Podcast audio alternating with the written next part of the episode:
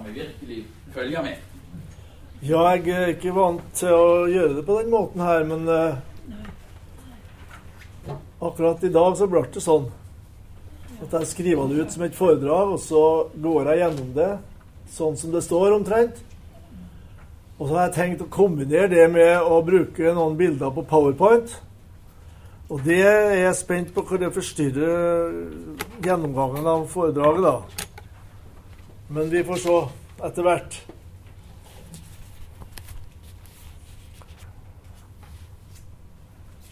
Det har gått opp for meg at det emnet Luther som sjelesørger, som noen kanskje tenker er litt uventa, at det allikevel er veldig sentralt. Så nå går vi rett på sjølve foredraget her. Og Da er det to forhold især som synes å ha forma Luther som sjelesørger. Det er først og fremst hans egen personlige og indre kamp i forskjellige anfektelser både før og etter sitt åndelige gjennombrudd. Som munk gikk han ofte til Skrifte, og skriftefar i flere år var Staupitz. I ei bok jeg nettopp har lest, så kan ikke forfatteren nok understreke hvor viktig Staupitz var for Luther. Han var jo Luthers forgjenger på universitetet også. Den indre kampen satte Luther etter hvert på sporet til et teologisk grunnsyn som til syvende og sist er Luthers største bidrag til sjelesorgen. For han var teologi, forkynnelse og sjelesorg en enhet, og gjennom sin personlige kamp fikk han en innenfraforståelse av andres kamper. Og teologien hans ble en anfektelsens teologi. Og dermed er siktepunktet mot sjelesorgen veldig nærliggende. Og fra andre hans møte med mennesker, nærmøte med mennesker, kaller jeg det her. Som prest i Wittenberg fikk han erfaring med skriftestol, også som skriftefar. Han var i flere år prest og mottok skrifte, folk som kom til skriftemål. Og her åpna de opp sine hjerter etter det, det mønster som de var vant med, og nå også i, sammen med det nye som Ja, ikke nytt, men på en ny måte kom inn dette med avlatshandelen. Den avlatspraksisen i middelalderkatolisismen, det ble i flere år et problem for Luther. Og de avlatsbrevene som folk viste fram, det ble for Luther rystende å lese og høre om hvordan folk eh, gikk til Skrifte og, hos Staupitz og fikk avlatsbrev.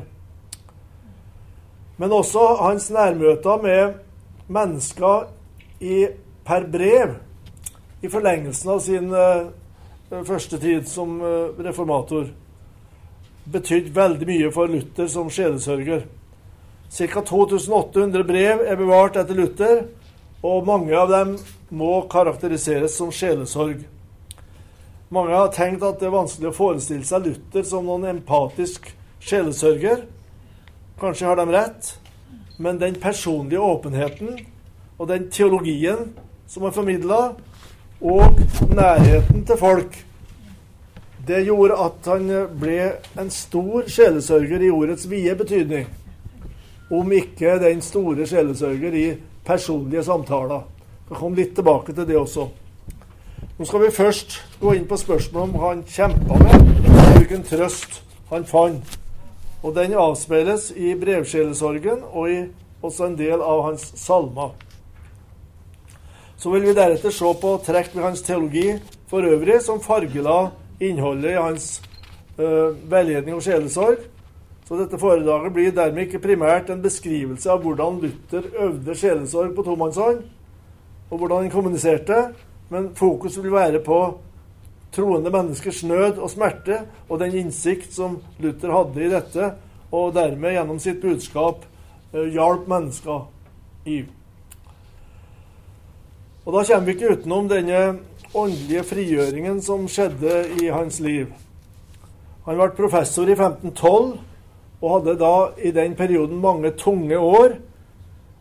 Eh, og I samsvar med datidens kirkelære og fromhetsforskrifter så strevde han for å bli trygg på om han var en sann kristen. Han tok oppskriftene på alvor, men strevet førte til det motsatte av det han satsa på. Det skapte angst for og et sinne imot Gud og en reell frykt for dommen. Og dette prega hans religiøse liv. Jeg trodde ikke på Kristus, men holdt ham ikke for noe annet enn en streng og skrekkelig dommer, slik man maler ham sittende på en regnbue. Det var en del av kirkekunsten i den gangen at Kristus satt på regnbuen som dommer. I en av sine første salmer, når han skildrer sitt gjennombrudd, egentlig, så skriver Luther følgende I djevelens vold jeg fangen lå, fordømt så var jeg til døden, og mine synder de lå meg på, jeg hadde stor angst og møde. Jeg sank og alltid dypere ned. Det var ei råd eller salighet i synden jeg var unnfanget. Og mine gjerninger hjalp meg ei til døden å overvinne. Den sterke djevel, han sagde nei. Han later seg ikke binde av noen skapning som verden har. Fra første fall i hans vold jeg var fordømt til den evige pine. Her var Møtet med Guds lov, som var uten prutingsmonn. Guds hellighet sto bak loven. Anfektelsen ble et møte med Gud i Guds vrede. Dødens mørke skyer trua, og Luther følte seg fordømt til evig fortapelse. Og i denne anfektelsen så var djevelen virksom. Han pusta til angsten og holdt sjelen i sin vold. Salmeverset avspeiler også dette kompliserte samspillet mellom djevelen og Guds lov i Luthers tenkning. Det er Gud sjøl som tillater djevelen å tre inn på arenaen. Og djevelen har alltid en ond hensikt med anfektelsen. Og hindrer oss i å tro at Gud er god, og tro hans evangelium. Men Gud sjøl har alltid en god hensikt å føre oss til glad tro på evangeliet. Ved universitetet foreleste Luther bl.a. over Salmenes bok og Romerbrevet. Luther var GT-professor, da. Og I disse skriftene så er Guds rettferdighet ofte omtalt. Og Luther ble nødt til å gjøre klart for seg hva som lå i begrepet Guds rettferdighet. Ut ifra vanlig oppfatning og egen erfaring så var det naturlig for Luther å, få, å forstå dette om rettferdigheten som Gud sjøl står for, og som han dømmer mennesket etter. Og den åpenbares i loven, men den åpenbares også i evangeliet.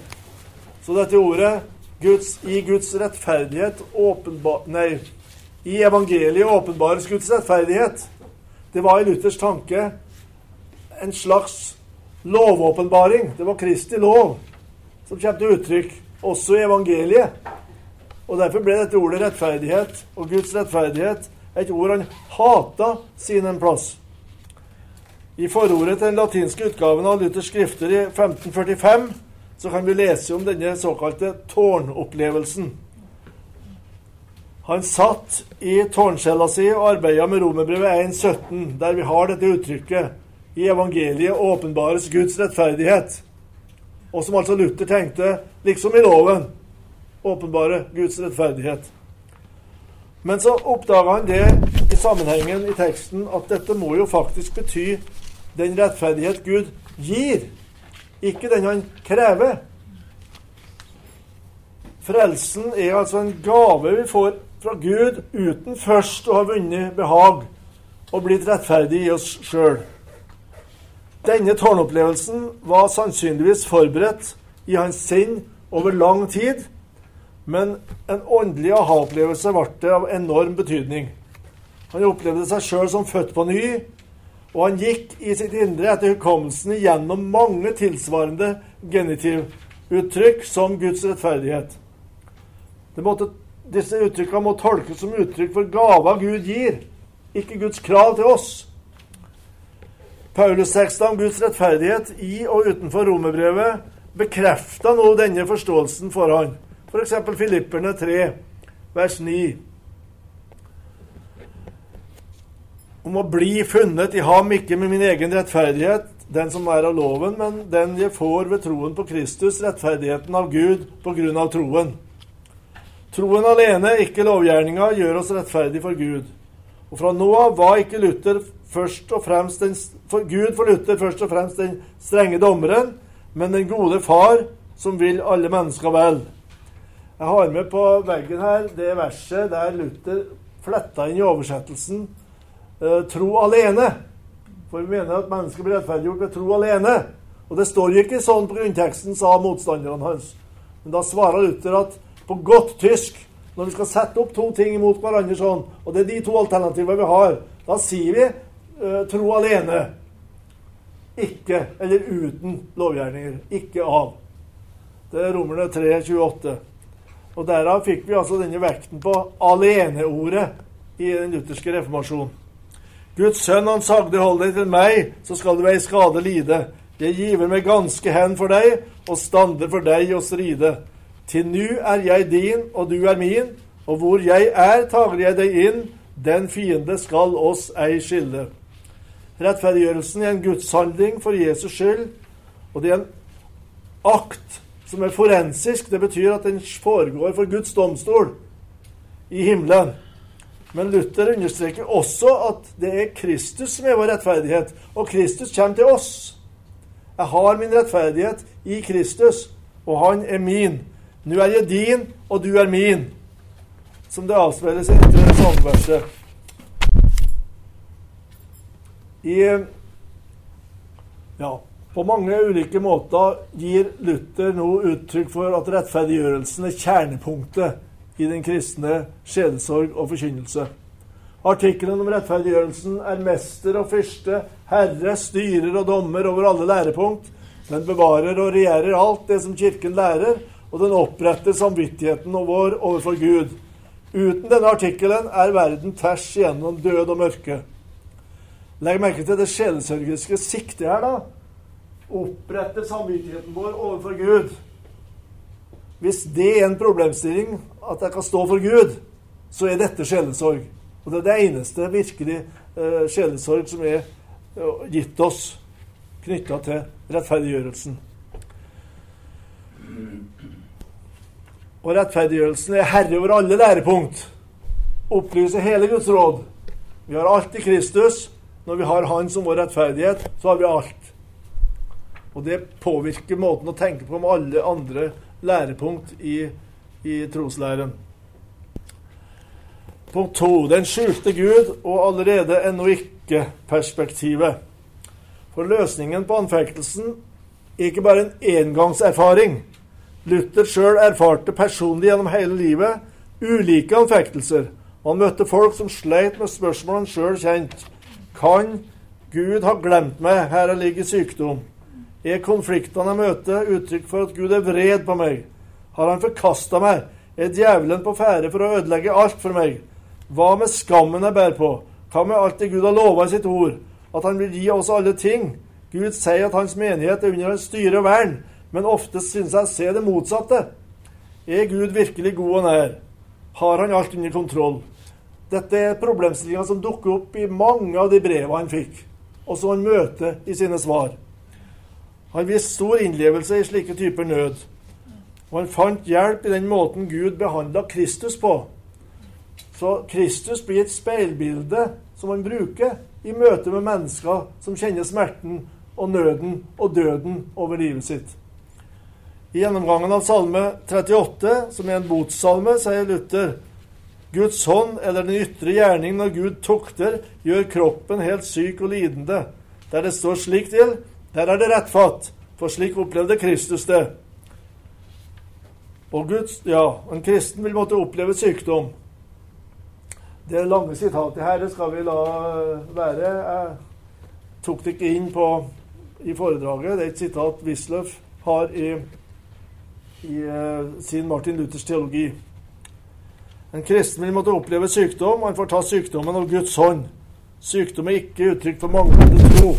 Tvert imot kan sykdom være en måte Gud likedanner oss med Kristus på. Livets frustrasjoner blir en redskap for Gud når han helliggjør oss. Han fører oss gjennom død til liv. Det er et mønster i troens liv. Og det er et mønster for hele livet vårt. Vi, vi er døpt til Kristi død og oppstandelse, og vi skal en dag dø og oppstå til evig liv. Alt som skjer oss, har vært innom hos Gud. Enda til det djevelen virker hos oss, kan settes inn i denne tolkningsrammen. Jf. Jobb 1. Vi kan tale om en kompatibilisme i Luthers tenkning. Det betyr at alt som skjer, har Gud noe med. Eh, samtidig som Gud kjemper imot dødens krefter, så er Gud der som aktør i det. Og dette går an å se sammen. Det er kompatibelt. Det kan gå sammen i måten å tenke på. Så når Grundtvig skrev 'Alt står i Guds faderhånd', så var det i samsvar med dette hos, hos Luther. Alt sammen har vært innom hos Gud. Også det som er tragisk. Og Gud fører oss igjennom til livets oppstandelse til slutt. Men Og dette er Luthers korsteologi, da, jf. Romerne 8 og 2. Mosebok 33, der han taler om å se Gud bakfra bruke den teksten som uttrykk for hvordan Gud behandler oss. At vi ikke ser Gud forfra, men vi ser Gud bakfra. Han er den skjulte Gud. Men i livets smerte så legger Luther samtidig stor vekt på bønnen. Hans sjelesorg preges i høy grad av tro på bønn. Det går igjen også i veldig mange av disse brevene han skrev. Så Luthers sjelesorg er av enkelte også kalt gebetsselsorge ved Melanchtons sykeleie i 1540. Der eh, sier Luther at han ropte Gud ørene fulle av løftene om bønnhørelse. Så mange visste å telle. Han starta i Matteusevangeliet 7. Eh, be, og du skal få. Og så Johannes 16. Eh, sterke ord om bønn. Jeg ropa Gud ørene fulle. Han sto ved vinduet mellom han lå i senga og, og ville til og med sjøl dø. Det er et interessant uttrykk. Jeg roper Gud ørene fulle av hans løfter. Eh, jeg lurer på om dette har med troens nådegave å gjøre. altså. Å, å våge å gå fram for Gud og peke på løftene så frimodig som han gjorde. Og da opplevde han at Melanchthon ble god og frisk. Og etterpå Luther, sa Luther om dette at jeg førte Melanchthon til livet igjen. Eh, litt eh, feilaktig uttrykk, da, kanskje, men han mente at hans bønn den gangen For Melanchthon har for mye enda ugjort. Det er enda et eksempel i Luthers eh, liv på at han drev bønnen på den måten der i møte med sykdom. Også det i forbindelse med en person som da han tenkte skulle ha mye å gjøre fortsatt. Arvesynslæren og Kristus alene det er også en dimensjon ved sjelesorgen hos Luther. Disse legemlige anfektelser kan bli virkelige åndelige anfektelser.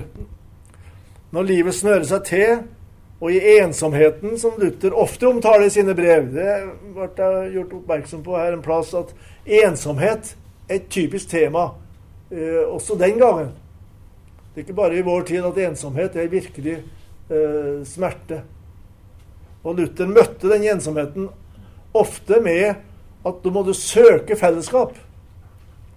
Og trosse angsten for sosialt samvær. Så psykologisk kan han orientere seg.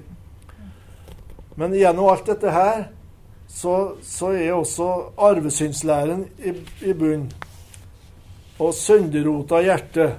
Luthers forklaring til andre trosartikkel har en djup sjelesørgerisk og personlig tone. Og mange har i livets kriser kunnet legge sin sjel i disse Luther-orda. Han er min Herre, som har gjenløst meg fortapte og fordømte menneske, kjøpt meg fri og frelst meg fra alle synder, fra dødens og djevelens makt, ikke med gull eller sølv, men med sitt hellige dyre blod og sin uskyldige lidelse og død. Dette har han gjort for at jeg skal være hans egen. Meg fortapte og fordømte menneske. Mange opplever i dag dette som et uttrykk for negativt menneskesyn. Men Luther gjenga her egentlig bare sentrale motiv i den viktigste boka han underviste ifra og las i Bibelen, nemlig Romerbrevet. og sånn som han tolka begrepet 'kjødet' i romerbrevet. Det avspeiler reelle erfaringer hos en kristen. Det er ikke noe som en kristen er ferdig med. Og dermed blir Guds hellighet et stadig problem. Om du i nåde ei ser bort fra all den synd som her er gjort, hvem kan da frelst vel blive? sier han. Sannsynligvis den første salmen han skrev. Av dypest nød jeg roper må. Den troende bærer arvesyndens art og vesen med seg, og kan anfektes på det uhyggeligste av tanken på meg, fortapte og fordømte menneske. I en artikkel om en av Luthers teologiske motstandere, Latomos, skriver Brynjulf Hoaas følgende at synd for Luther etter sin natur og sitt vesen er det samme hvor den enn finnes. Slik er synden i oss etter dåpen virkelig synd, etter sin natur. Følelsen av vrede og ond lyst er akkurat den samme i den fromme som i den gudløse. Den samme før og etter nåden. Kan dette være sjelesorg? For meg har dette vært sjelesorg å tenke på og høre og, og få understreka. Faktisk. For jeg kjenner meg igjen i det. Det er ikke bedre med meg enn med, enn med en, en en vantro når det gjelder syndigheten i mitt liv. Den er av samme art, var poenget for Hoås her når han skildrer Luthers måte å tenke på. Poenget med Luthers forklaring i andre trosartikler er at Kristi velgjerning mot oss i forsoningen setter oss fri fra hele denne nøden. Vår iboende syndighet tilregnes oss ikke. Kristus har ved sitt blod gjenløst oss fra fortapelsen og fordømmelsen. Og når vi bekjenner 'meg fortapte og fordømte menneske', og samtidig får høre 'kjøpt fri fra det' Du er fortapt og fordømt, og du er kjøpt fri. Du satt inn i en virkelighet der du er rettferdig for Gud. Samtidig rettferdig og synder. Det er noe av det kjernen i Luthers sjelesorg. Grunnlaget er soningen av Guds vrede og godtgjøringen for alt vi skylder Gud ved det Jesus har gjort for oss. Mitt blod der inne på jorden ut, og livet det må jeg miste. Det skjer til soning for deg hos Gud. Derpå skal du tro og trøste. Ved tro alene på Kristus alene er min status som Guds barn sikra. Han er min frelsesvisshet. Tross all den synd som her er til, han hyrden er som frelse vil, og fri sitt folk av nøden.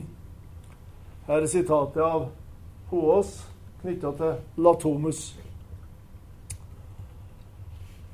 Lov og evangelium, friheten og det salige byttet. Luther har gitt oss en tolkningsnøkkel til å trenge inn i Guds ord, slik at frelsesvissheten kan virkelig finne denne forankringen vi her nå har snakka om. Og Det er som et omkved i Galaterbrevskommentaren til Luther. Loven anklager alltid, med sine løfter om belønning hvis vi oppfyller, og trusler om straff og dom hvis vi ikke oppfyller. Så, er vi plassert i en uhyggelig klemme. Og Gud bruker denne dimensjonen ved sitt ord for å berede veien for evangeliet inn i hjertene. Gjennomgangen av Galaterbrevet 3 i Galaterbrevskommentaren er særlig klargjørende og bevitner hvordan Jesus' stedfortredende lidelse er kjernen i Luthers forsoningslære. Det har vært mye debatt om Luthers forsoningslære, men kjernen i det, også det som har med kampen med djevelen å gjøre, det har med Jesu stedfortredende soning å gjøre. Evangeliet setter oss fri ifra loven. Fri fra dens forbannelse, Galaterne 3. Fri fra dens frelsesvilkår. For Kristus er lovens ende til rettferdighet for hver den som tror. Fri til å rette gjerningene mot nesten i Den hellige ånds kraft. Vi skal ikke bruke friheten som en anledning til en ikke så nøye-holdning. Vi er satt fri til å tjene uten baktanke om fortjeneste hos Gud. Bare med nestens tarv for øyet. I møte med likegyldige eller trossige sjeler skal sjelesørgeren bruke loven, Guds venstre hånd, og holde fram alvoret med å være menneske som Gud har skapt og gitt sine bud. Det er Guds venstre hånd. Og i møte med det anfektede og usikre skal vi bruke Guds høyre hånd, som han gir Kristus og frelsen gjennom, uten betingelser. Det er den spenningen en kristen lever sitt liv. Møter Gud i Guds lys og får rakt evangeliet fram til seg ved Kristus.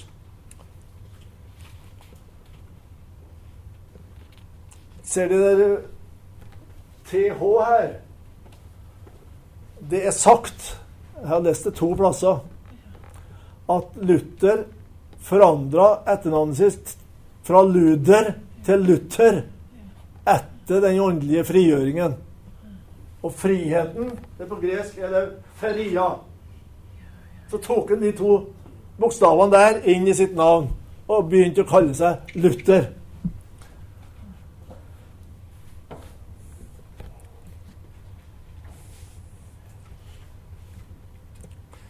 Det salige byttet det er da et begrep som eh, hører til i forlengelsen av det vi snakker om nå.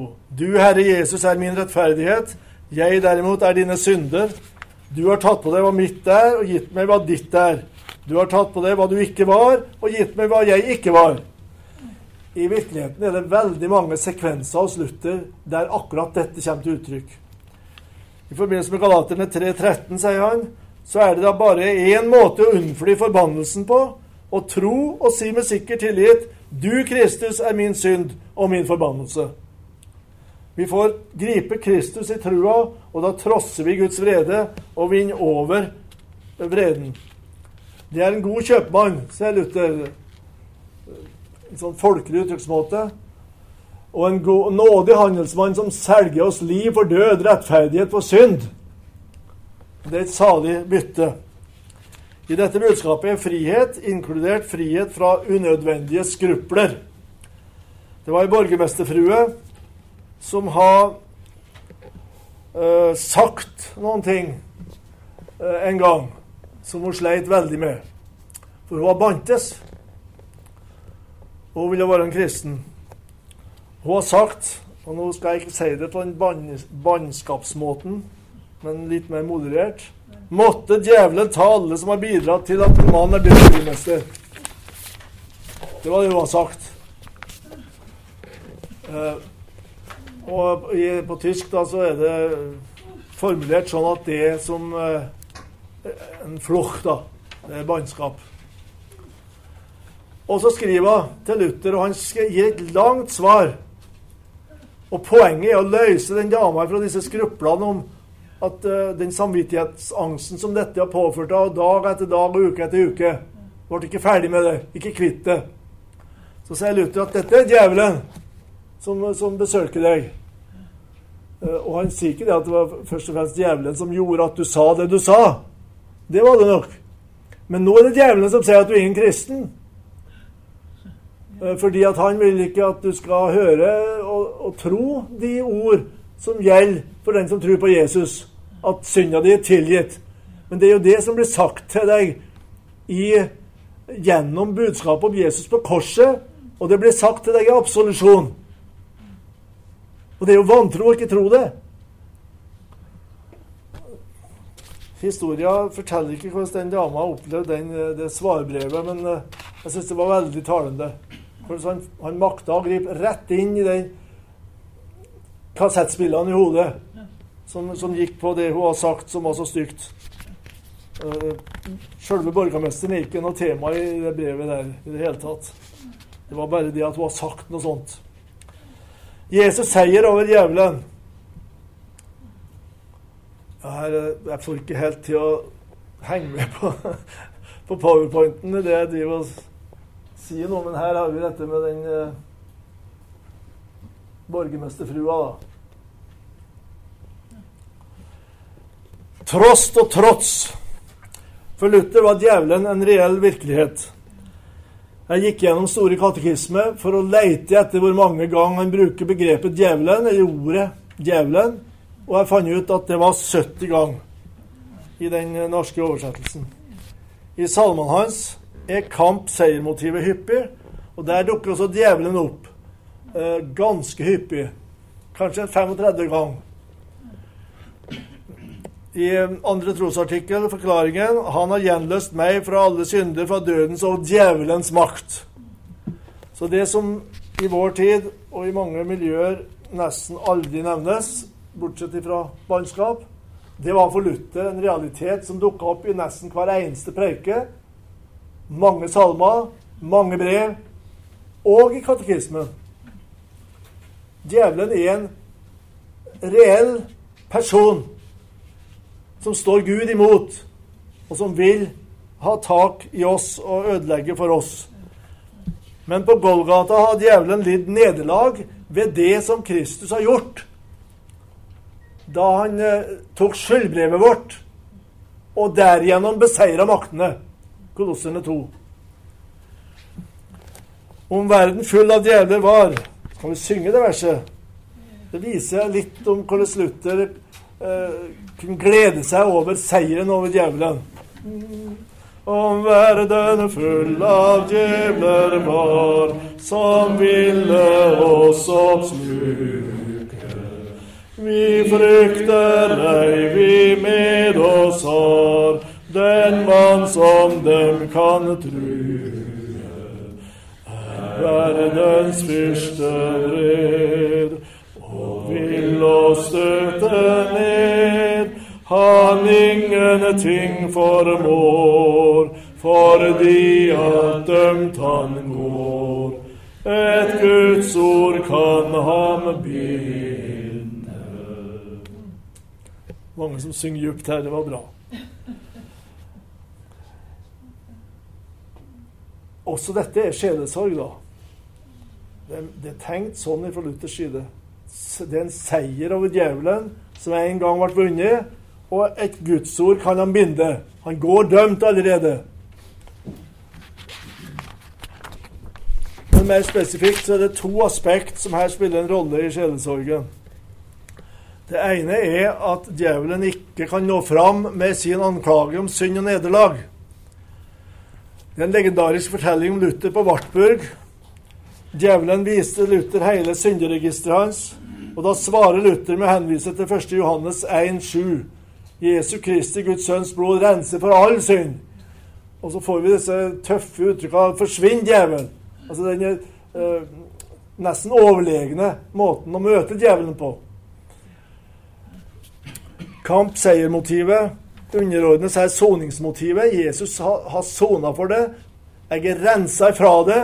Du har ingenting du skal ha sagt. Det er liksom mentaliteten i dette her. Kristus har en gang dødd for syndene våre, og nå lever og regjerer Kristus på dette grunnlag.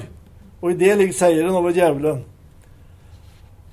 Men samtidig, når vi på ulike måter merker at djevelen er i aksjon for å ødelegge for oss, eller for å føre oss bort fra Guds ord, så skal vi stå ham imot, sterke i troen. Og der er det det kommer uttrykket tro, trøst, eller trost, og trots, som på tysk er så nær i, i lydbildet der, da, og i, i språket.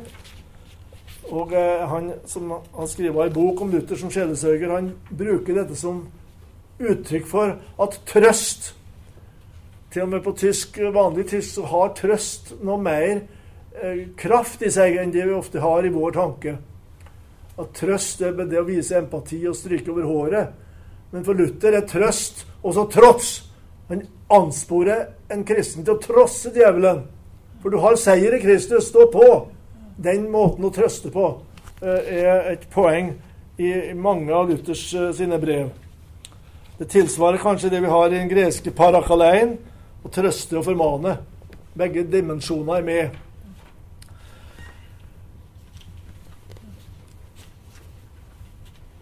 Her har jeg funnet et lite bilde på nettet som, som, viser litt Jeg tror det samsvarer litt med det Luther ønsker at kristne kan kunne møte djevelen. altså Være, være bevisst på at du har seieren om verden full av djevler var. Vi, vi kjenner Kristus.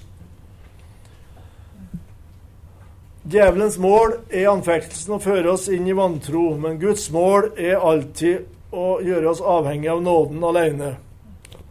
Djevelen vil hjemsøke deg, gjøre deg til en rett doktor, og gjennom anfektelsene lære deg å søke og elske Guds ord.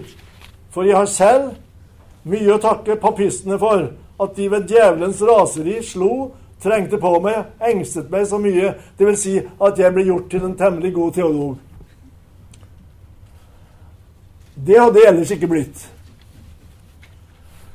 Uh, Og, der, der, og dette er ikke bare humor. da, Vi, vi ser et snert av humor hos Luther i, i sånne uttrykk. Det er klart. Men det er ikke bare humor, det er erfaring også. For her har han kjempa så å si til blods da, i sitt indre imot overmakten. Og de har brukt djevelen og anfekta han. Han kom i tvil. Er det virkelig mulig at én kan stå mot så mange?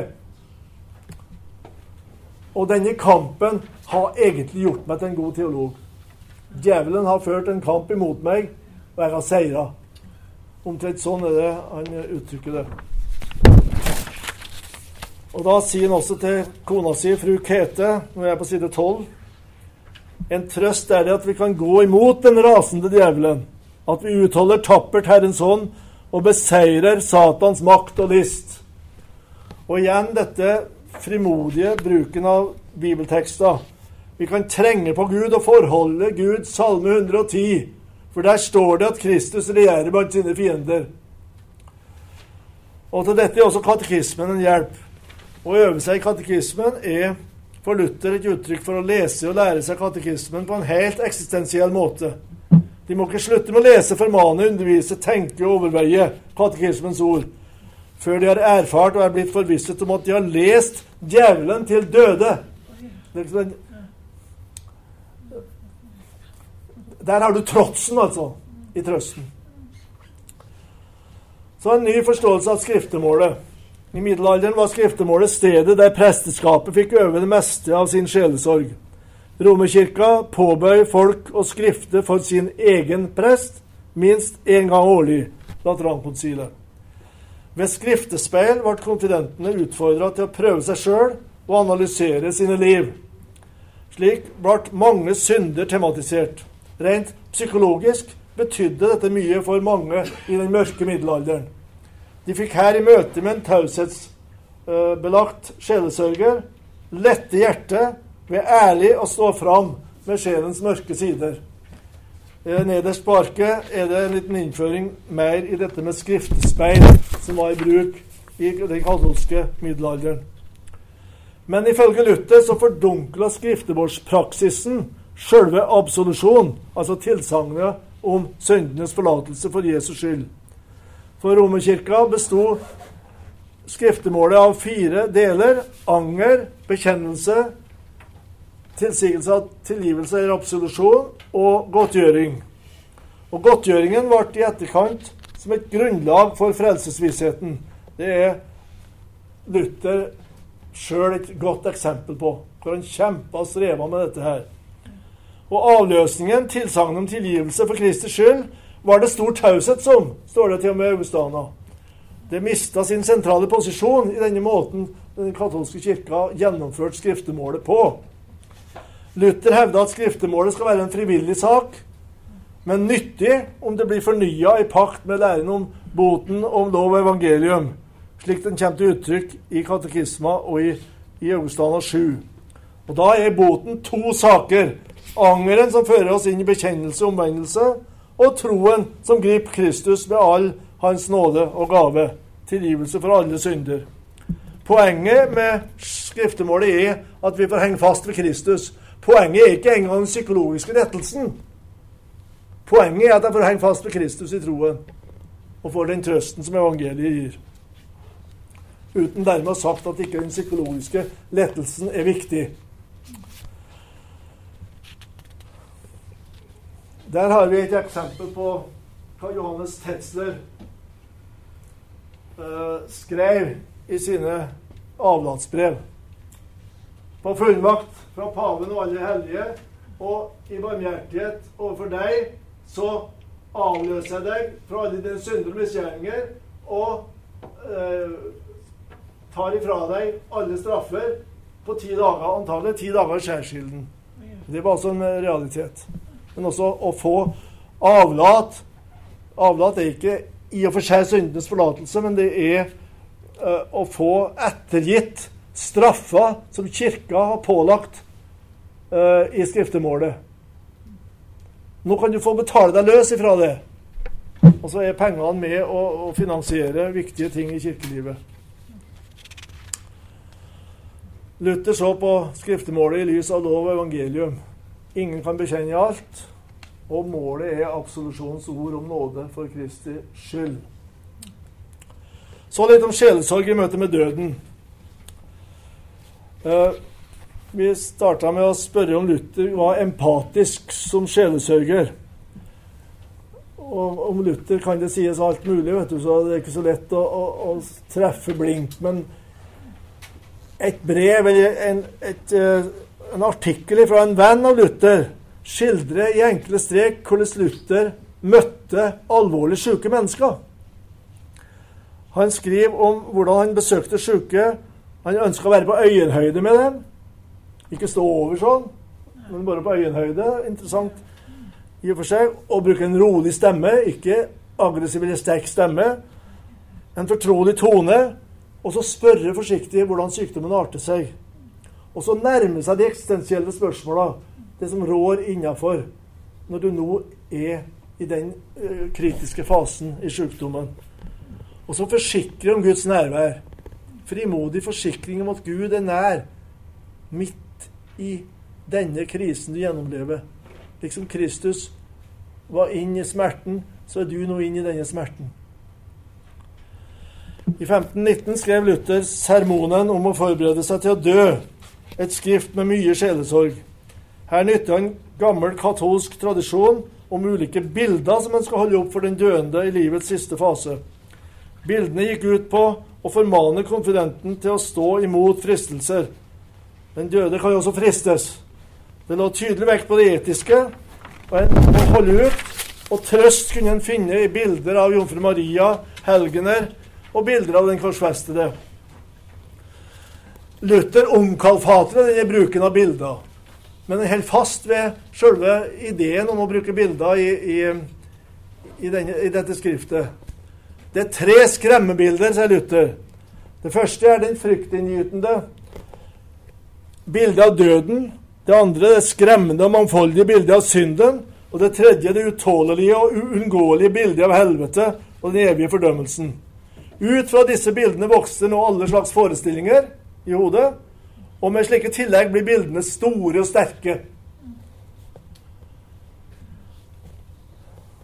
Og så er det Luthers sjelesorg, da.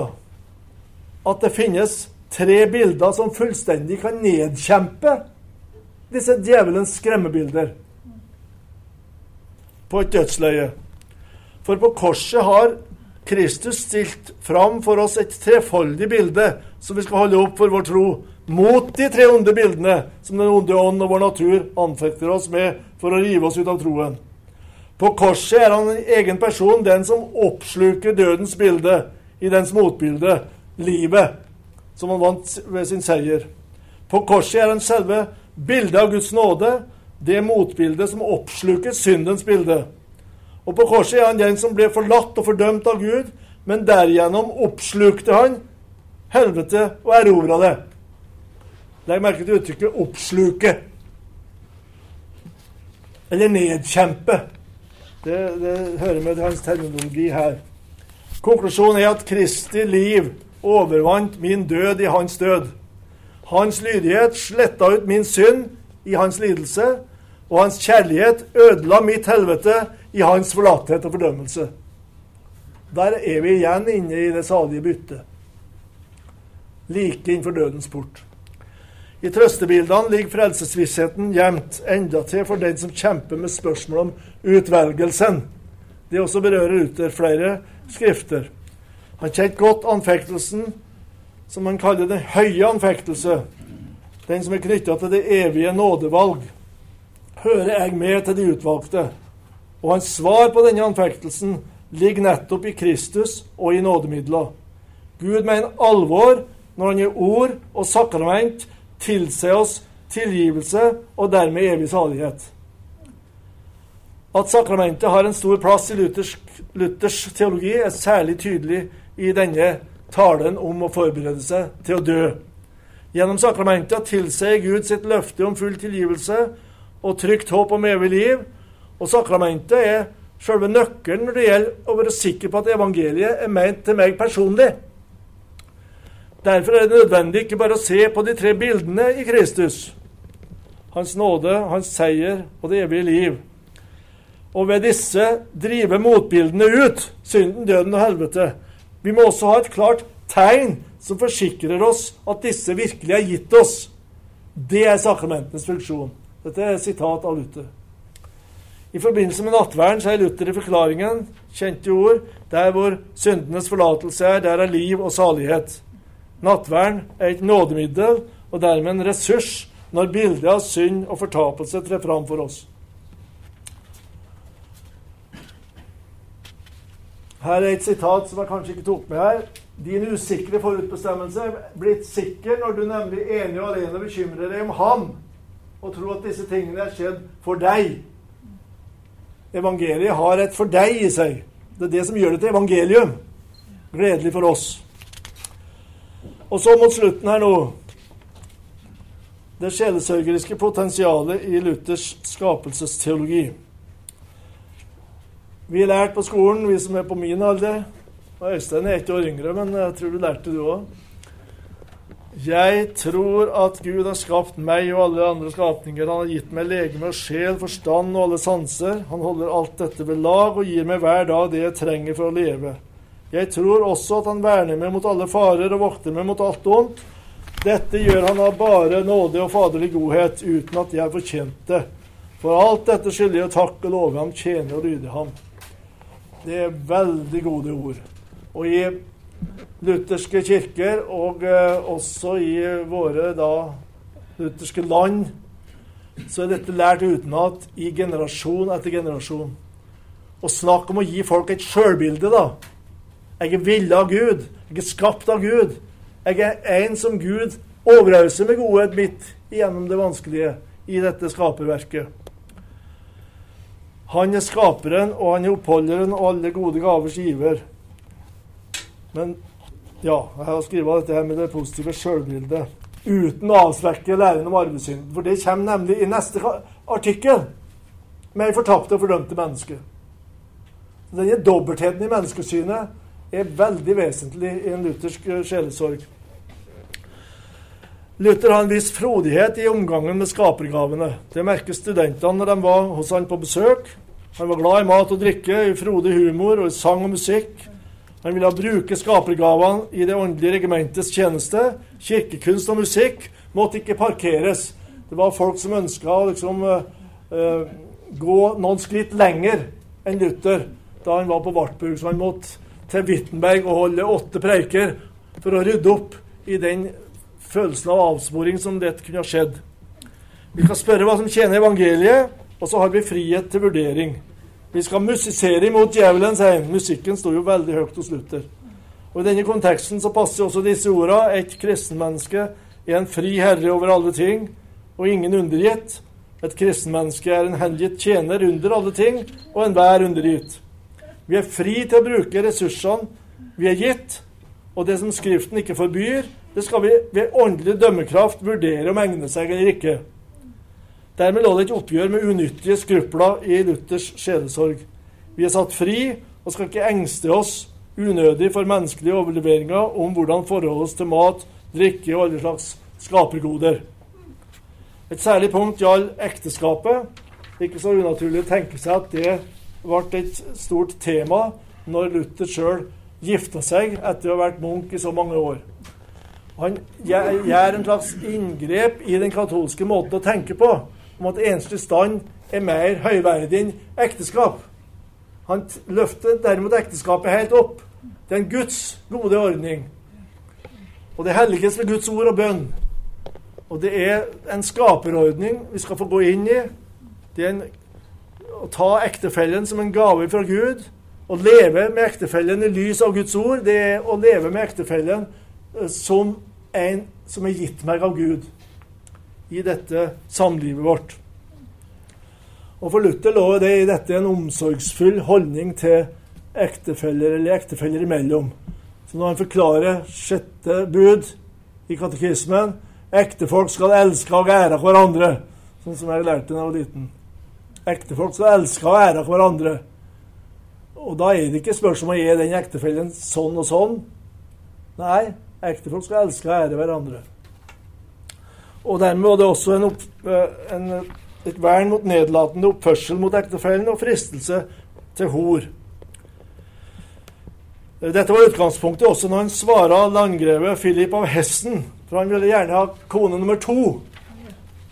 Og uh, Utgangspunktet er det jeg nå har sagt.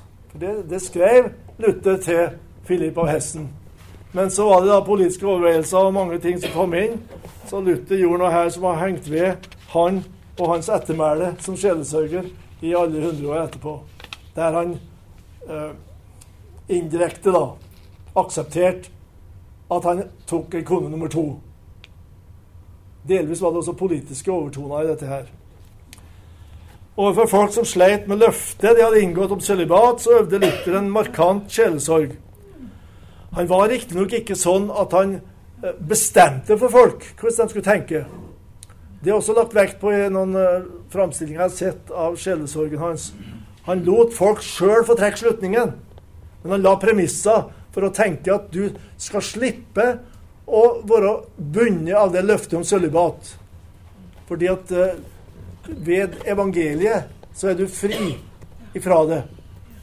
Og så kan du faktisk gifte deg. Han har jo sjøl to ganger inngått det løftet, og han brøt det da han gifta seg med Kete. Og han brøt det jo etter hvert med god samvittighet. Jeg trosset djevelen ved å gifte meg. Sånn kunne en si da.